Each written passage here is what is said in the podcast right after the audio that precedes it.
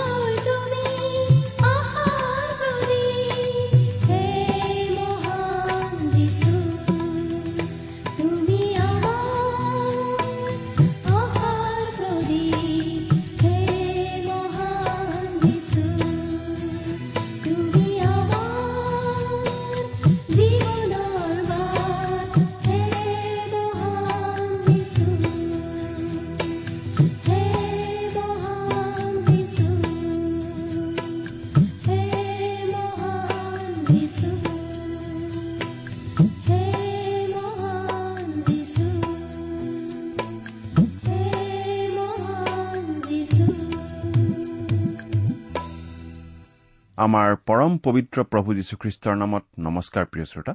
আশা কৰো মহান পিতা পৰমেশ্বৰৰ মহান অনুগ্ৰহত আপুনি ভালে কুশলে আছে। লগতে এই বুলিও আশা কৰিছো যে আপুনি আমাৰ এই ভক্তিবচন অনুষ্ঠানটো নিয়মিতভাৱে শুনি আছে। প্ৰিয় শ্ৰোতা আমি আমাৰ চিনাকি লোকসকল আমি ভাল পোৱা লোকসকল সদায় ভালে কুশলে থকাটো নিবিচাৰোনে বাৰু? ঈশ্বৰেও আমাক ভাল পায়। আমি ভালে কুশলে থকাটো বিচাৰে। সেইবাবেই তেওঁ আমাক উদ্ধাৰ কৰিবলৈ তেওঁৰ একেজাত পুত্ৰ যীশুখ্ৰীষ্টকেই আমালৈ দান কৰিছিল। আমিও আমাৰ শ্ৰোতাসকল ভালে কুশলে থকা বুলি জানিলে ভাল পাওঁ।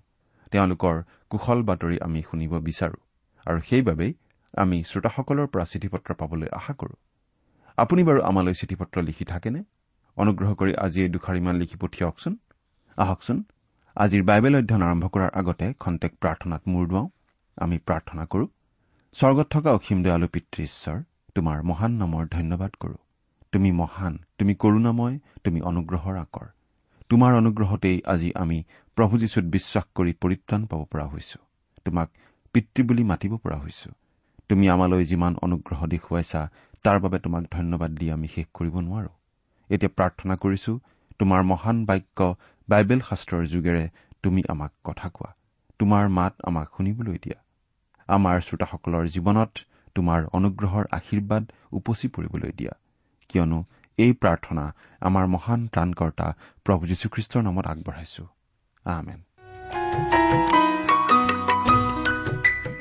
প্ৰিয় শ্ৰোতা আপুনি বাৰু আমাৰ এই ভক্তিবচন অনুষ্ঠান নিয়মিতভাৱে শুনি আছেনে? আমি বাৰু যোৱা অনুষ্ঠানত কি আলোচনা কৰিছিলো আপোনাৰ মনত আছেনে? আমি আজি কিছুদিন ধৰি বাইবেলৰ নতুন নিয়ম খণ্ডৰ ইফিচিয়াবিলাকৰ প্ৰতি পত্ৰ নামৰ পুস্তকখন অধ্যয়ন কৰি আছো নহয় জানো? যোৱা অনুষ্ঠানত আমি এই ইফিচিয়া পত্ৰৰ তিনি নম্বৰ অধ্যায়ৰ অধ্যয়ন আৰম্ভ কৰিছিলো। আমি তিনি নম্বৰ অধ্যায়ৰ চাৰি নম্বৰ পদলৈকে পঢ়ি আমাৰ আলোচনা আগবঢ়াইছিলো। পাচনি পৌলে ইফিচত থকা খ্ৰীষ্টীয় বিশ্বাসীসকললৈ এই বুলি লিখিছিল যে ঈশ্বৰে যি নিগৃঢ় তত্ব তেওঁৰ আগত প্ৰকাশ কৰিলে সেই নিগৃঢ় তত্ব তেওঁ তেওঁলোকলৈ লিখিছে যাতে সেই নিগৃঢ় তত্বনো কি তেওঁলোকে জানিবলৈ পায় আৰু ঈশ্বৰৰ নিগৃঢ় তত্ব সম্বন্ধে তেওঁৰ জ্ঞান যে আছে সেই কথাও ইফিচিয়া বিশ্বাসীসকলে বুজি পায়। নিগৃঢ় তত্ব মানেনো কি সেই কথাও আমি আলোচনা কৰিছিলো। কোনো এটা কথা যদি আগতে ঈশ্বৰে গুপুতে ৰাখিছিল কিন্তু এতিয়া প্ৰকাশ কৰিছে তেনেহলে সেই কথাটোকেই ঈশ্বৰৰ নিগৃঢ় তত্ব বুলি কোৱা হয়।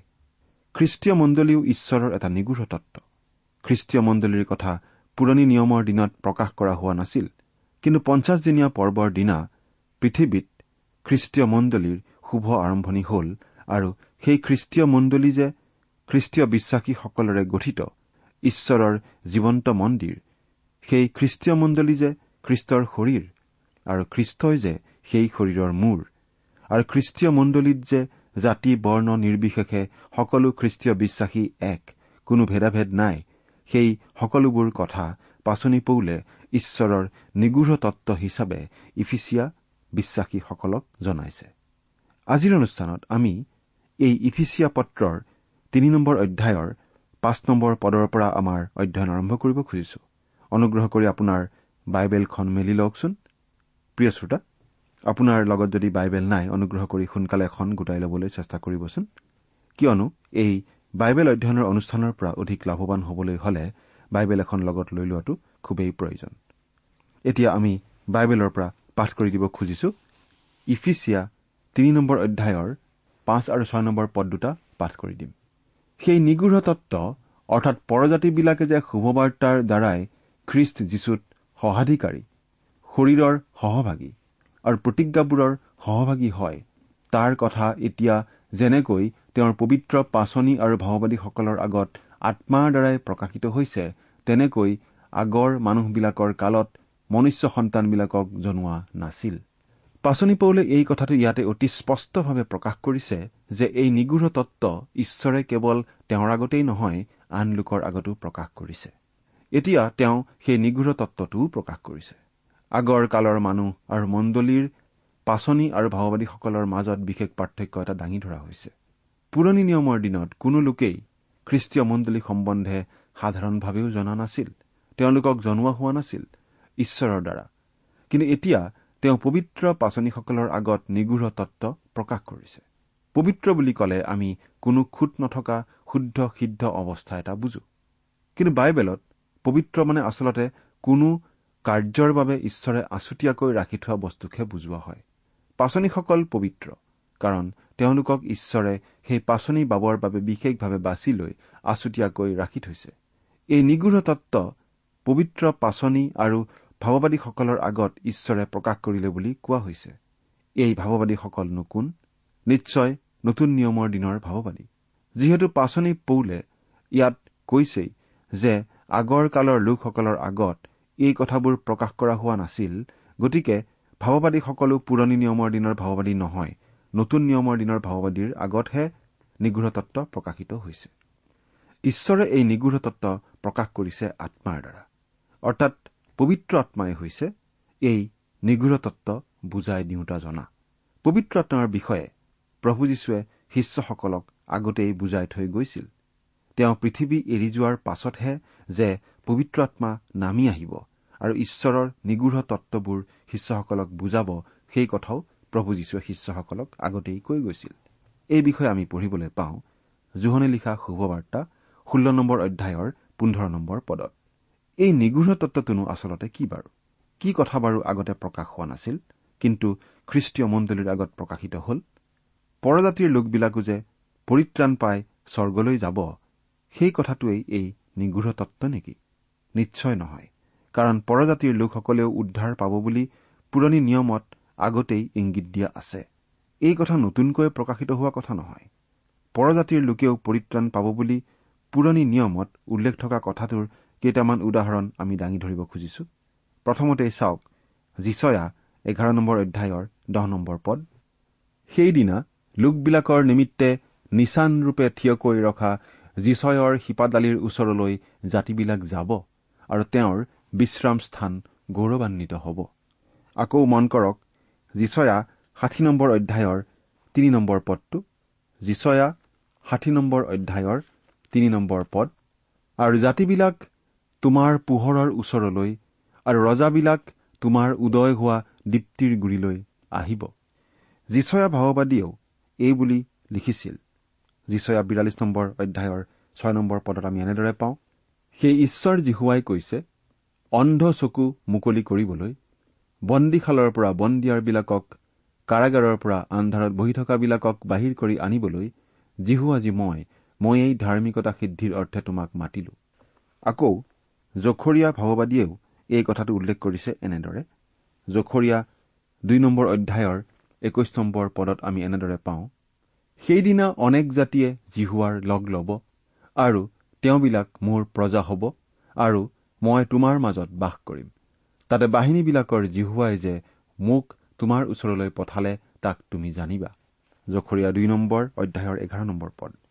আমি এই বিষয়ে মলাখী পুস্তকতো পঢ়িবলৈ পাওঁ মলাখী এক অধ্যায় এঘাৰ নম্বৰ পদত। গতিকে আমি এইটো বুজি পালো যে পৰজাতিৰ লোকসকলে পৰিত্ৰাণ পাব বুলি পুৰণি নিয়মতেই উল্লেখ আছে। গতিকে এই কথাটো একো নতুন কথা নহয়। গতিকে এইটো নিগৃঢ় তত্ব নহয়। তেন্তে পাচনি পৌলে ইয়াত কি নিগৃঢ় তত্বৰ কথানো কৈছে? কথাটো অলপ ভালদৰে মন কৰিবচোন। নিগৃঢ় তত্বটো এইয়ে যে পৰজাতি আৰু ইছৰাইল জাতিৰ লোকসকলক সমমৰ্যাদা দিয়া হ'ব খ্ৰীষ্টত বিশ্বাস স্থাপন কৰি দুয়োটা দলৰ লোক এটা নতুন দল এটা নতুন গোট এটা নতুন শৰীৰৰ অংগ হ'ল আৰু খ্ৰীষ্টই হৈছে সেই শৰীৰৰ মূৰ। অৰ্থাৎ পৰজাতীয় লোক অৰ্থাৎ অনাজিহুদী লোকসকলে পৰিত্ৰাণ পাব বুলি আগতে প্ৰকাশ পালেও তেওঁলোক যে যিহুদী লোকসকলৰ সৈতে একে মৰ্যাদাৰে একেটা শৰীৰৰ অংগ হ'ব সেইটো নতুন নিয়মৰ দিনতহে প্ৰকাশিত হৈছে। এই কথাটোৱেই পাচনি পৌলে বুজাইছে। এইটোৱেই সেই নিগৃঢ় তত্বটো। গতিকে গোটেই মানৱ জাতিটো এতিয়া আমি তিনিটা ভাগত ভগাব পাৰোঁ। আদমৰ পৰা অব্ৰাহামলৈকে প্ৰায় দুহেজাৰ বছৰ জোৰা সময়ছোৱাৰ সকলো মানুহেই হ'ল পৰজাতি। কাৰণ তেতিয়ালৈকে ইছৰাইল জাতি বুলি বিশেষ জাতি ঈশ্বৰে বাছি লোৱা নাছিল। অব্ৰাহামৰ পৰা খ্ৰীষ্টলৈকে এই দুহেজাৰ বছৰত মানুহবোৰ আছিল হয় জিহুদী নহয় অনাজিহুদী বা পৰজাতি। খ্ৰীষ্টৰ স্বৰ্গাৰোহণৰ পাছতেই পঞ্চাছদিনীয়া পৰ্বৰ পৰা খ্ৰীষ্টীয় মণ্ডলীক স্বৰ্গলৈ তুলি নিবলগীয়া ভৱিষ্যতৰ সেই দিনটোলৈকে মানুহক তিনিটা ভাগত ভগাব পাৰি জিহুদী অনাজিহুদী বা পৰজাতি আৰু খ্ৰীষ্টীয় বিশ্বাসীৰ মণ্ডলী।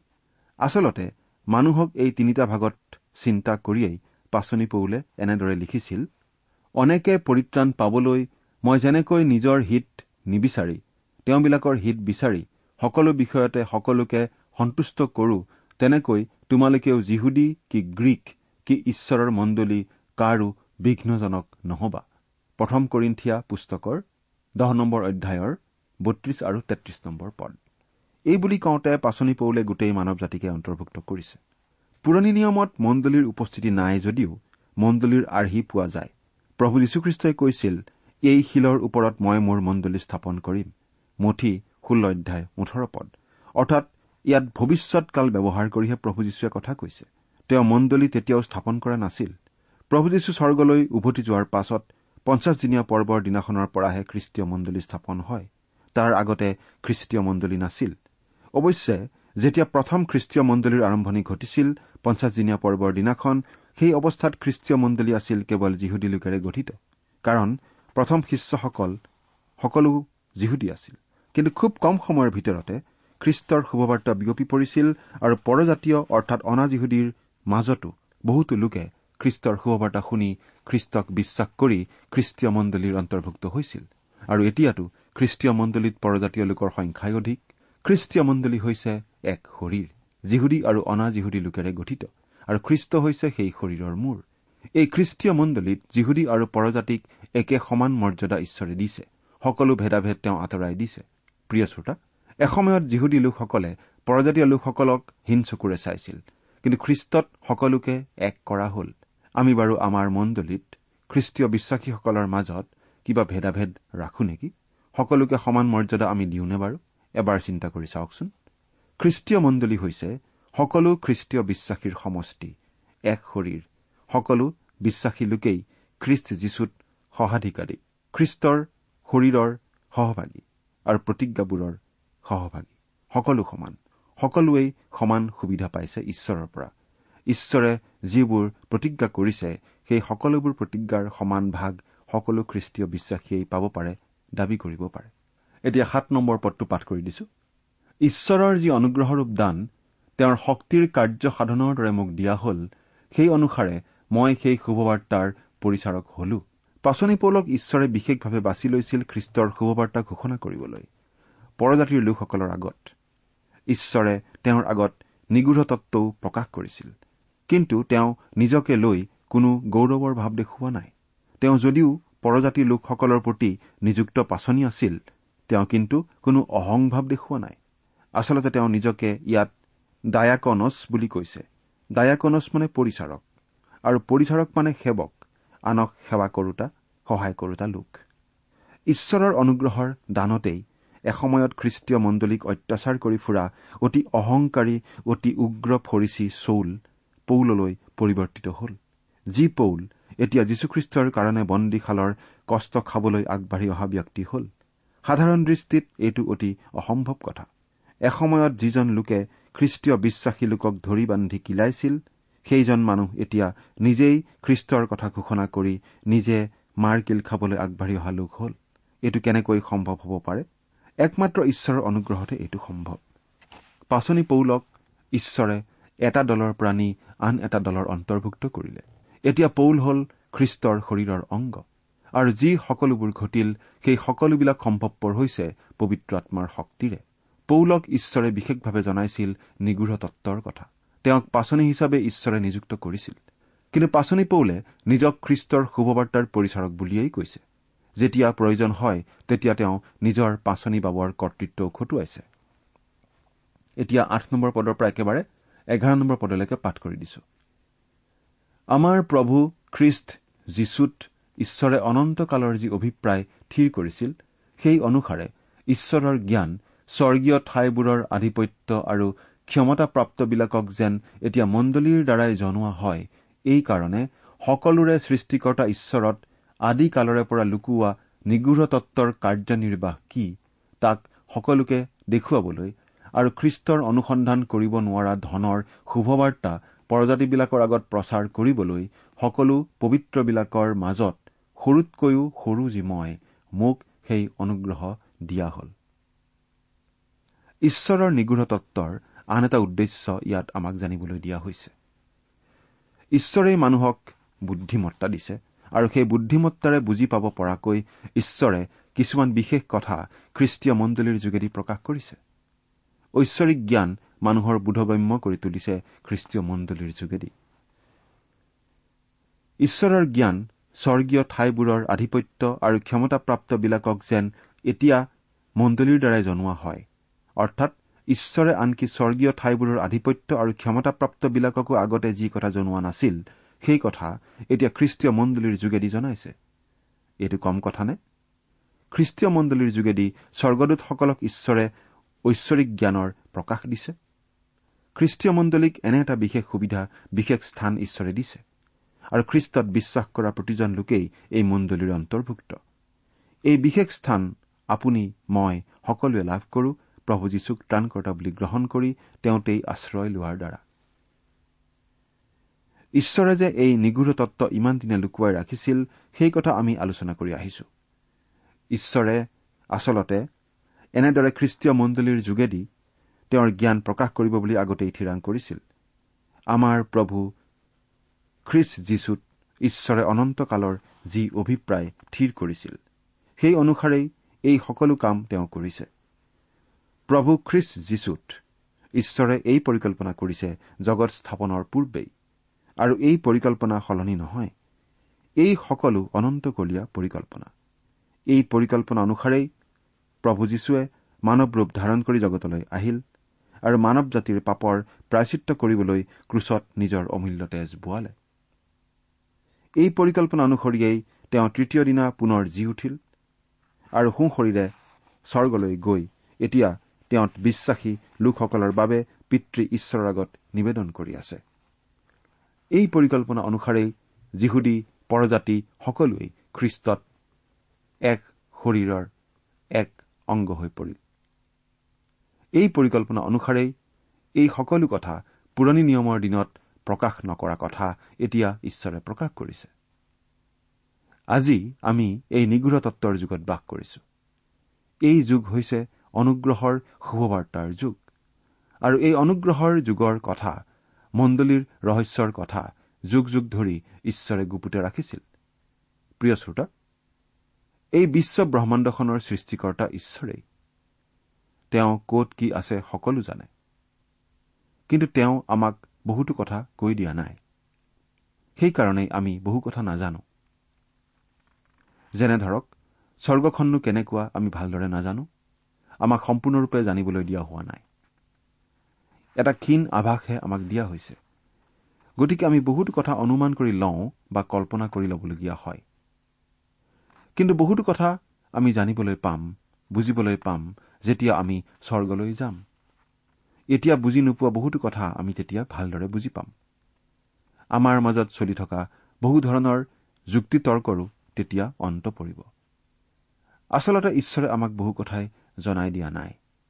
যেনে ধৰক সেই ক্ষুদ্ৰ অনুপৰমাণুৰ কথা তেওঁ আমাক জনাই দিয়া নাছিল। সেইবোৰ মানুহে আৱিষ্কাৰ কৰিবলৈ তেওঁ এৰি থৈছিল আকৌ মাটিৰ তলত যে সোণ আছে ৰূপ আছে হীৰা আছে কয়লা আছে পেট্ৰলিয়াম আছে সেইবোৰ কথা তেওঁ জনাই দিয়া নাছিল। মুঠতে বহুতো কথা ঈশ্বৰে মানুহৰ পৰা গোপন কৰি ৰাখিছিল আৰু সেইবোৰ মানুহে নিজে আৱিষ্কাৰ কৰি লোৱাটো ঈশ্বৰে বিচাৰিছিল। কিন্তু কিছুমান বিষয় আছে যিবোৰ মানুহে কেতিয়াও জানিব নোৱাৰে।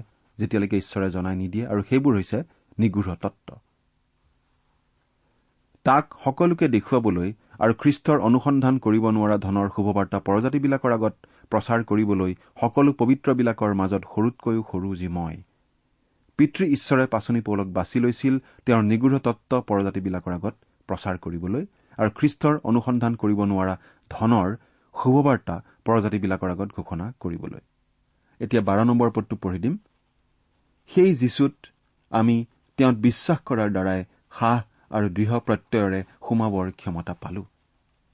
এসময়ত পৰজাতি লোকসকলে মন্দিৰৰ পৰা বহু দূৰৈত থাকিব লাগিছিল। আনকি মন্দিৰৰ অতি ভিতৰৰ আঁৰ কাপোৰৰ ভিতৰলৈ মহাপুৰোহিতেও বছৰত এবাৰহে সোমাব পাৰিছিল। কিন্তু খ্ৰীষ্টত বিশ্বাস কৰি আমি একেবাৰে ঈশ্বৰৰ অনুগ্ৰহৰ সিংহাসনৰ আগলৈ সাহেৰে আৰু প্ৰত্যয়েৰে সোমাই যাব পৰা হলো। খ্ৰীষ্টত বিশ্বাস কৰা লোকৰ আৰু ভয় নাই। কাৰণ তেওঁৰ সকলো পাপ ক্ষমা কৰা হৈ গ'ল। তেৰ নম্বৰ পদ এতেকে মোৰ নিবেদন এই তোমালোকৰ কাৰণে মোৰ যি সকলো ক্লেশ হৈছে তাৰে যেন নিৰুৎসাহ নোহোৱা সেই সকলো তোমালোকৰ গৌৰৱ। ঈশ্বৰৰ নিগৃঢ় তত্ব পৰজাতিৰ আগত প্ৰকাশ কৰিবলৈ খ্ৰীষ্টৰ শুভবাৰ্তা পৰজাতিৰ লোকসকলৰ আগত ঘোষণা কৰিবলৈ ঈশ্বৰে পাচনি পৌলক বিশেষভাৱে বাছি লৈছিল। ঈশ্বৰৰ পৰা পোৱা সেই দায়িত্ব পালন কৰিবলৈ আগবাঢ়ি গৈ পাচনি পৌল বন্দীশালত থাকিব লগা হৈছিল। নানা ধৰণৰ দুখ যন্ত্ৰণা সহ্য কৰিব লগা হৈছিল। কিন্তু তেওঁ কৈছে যে সেই দুখ ক্লেশ দেখি ইফিচিয়া লোকসকল যাতে হতাশ নহয় যাতে নিৰুৎসাহ নহয়। আচলতে ঈশ্বৰৰ পৰিকল্পনা মতেই সকলো ঘটিছে। পৌলৰ বন্দিত্বৰ যোগেদি তেওঁৰ উপকাৰহে হৈছে আৰু বিশ্বাসীসকলৰ গৌৰৱহে হৈছে বুলি তেওঁ ইয়াত প্ৰকাশ কৰিছে। প্ৰিয় শ্ৰোতা পাচনি পৌলে নানান দুখ ক্লেশৰ সময়তো এনেদৰে উৎসাহজনক চিঠি লিখিব পাৰিছিল কাৰণ তেওঁ প্ৰভু যীশুৰ ওপৰত সম্পূৰ্ণ ভৰসা ৰাখিছিল। প্ৰভু যীশুৰ ওপৰত তেনেকুৱা দৃঢ় বিশ্বাস আমাৰ আছেনে বাৰু? আমি চিন্তা কৰি চাওঁচোন। ঈশ্বৰে আমাক আশীৰ্বাদ কৰক। আমেন। প্ৰিয় শ্ৰোতা ইমান পৰে আপুনি বাইবেল শাস্ত্ৰৰ পৰা ঈশ্বৰৰ বাক্য শুনিলে এই বিষয়ে আপোনাৰ মতামত জানিবলৈ পালে আমি নথৈ আনন্দিত হ'ম। আমি প্ৰস্তুত কৰা বাইবেল অধ্যয়নৰ চিডিসমূহ পাব বিচাৰিলে আৰু অনুষ্ঠানত প্ৰচাৰ কৰা কোনো কথা বুজিব লগা থাকিলেও আমালৈ লিখক। আমাৰ যোগাযোগৰ ঠিকনা ভক্তিবচন ট্ৰান্সপল ৰেডিঅ' ইণ্ডিয়া ডাক বাকচ নম্বৰ সাত শূন্য গুৱাহাটী সাত আঠ এক শূন্য শূন্য এক। ঠিকনাটো আকৌ এবাৰ কৈছো ভক্তিবচন ট্ৰান্সৱৰ্ল্ড ৰেডিঅ' ইণ্ডিয়া ডাক বাকচ নম্বৰ সাত শূন্য গুৱাহাটী সাত আঠ এক শূন্য শূন্য। প্ৰাৰ্থিছো আজি কাতৰে মাতিছো আজি আমি প্ৰভু যিছু যিছু তোমাকে প্ৰাৰ্থিছো আজি কাতৰে মাতিছো আজি আমি প্ৰভু যিছু আমাৰ ইমেইল এড্ৰেছটো হৈছে Assamese T TV at the rate radio' eight eight two dot com আমাৰ website W W W dot T W R dot in আপুনি টেলিফোনৰ মাধ্যমেৰেও আমাক যোগাযোগ কৰিব পাৰে। আমাৰ টেলিফোন নম্বৰটো হৈছে nine eight five four zero' four zero' eight eight nine. তুমি সৃজিছিলা যোন বেলি তৰা ইয়াৰ কাষলে যিছু তুমি আহা তুমি সৃজিছিলা যোন বেলি তৰা ইয়াৰ কাষলে যিছু তুমি আহা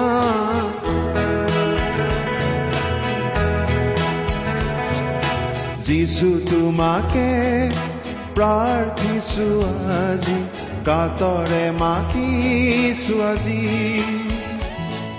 আমি প্ৰভু যিছু যিছু তোমাকে প্ৰাৰ্থিছো আজি কাতৰে মাতিছো আজি আমি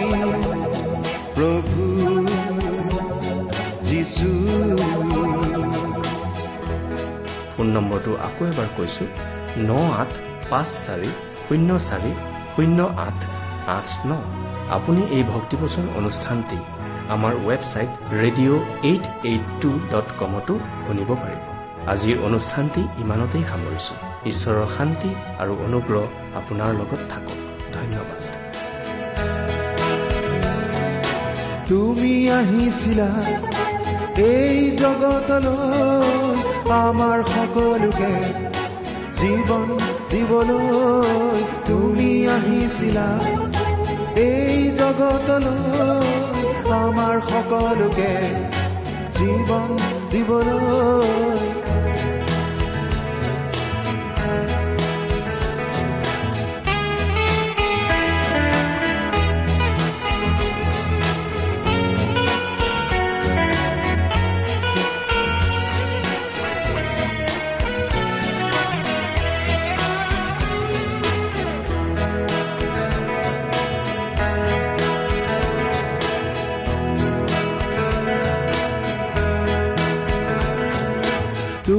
প্ৰেমৰ কথা।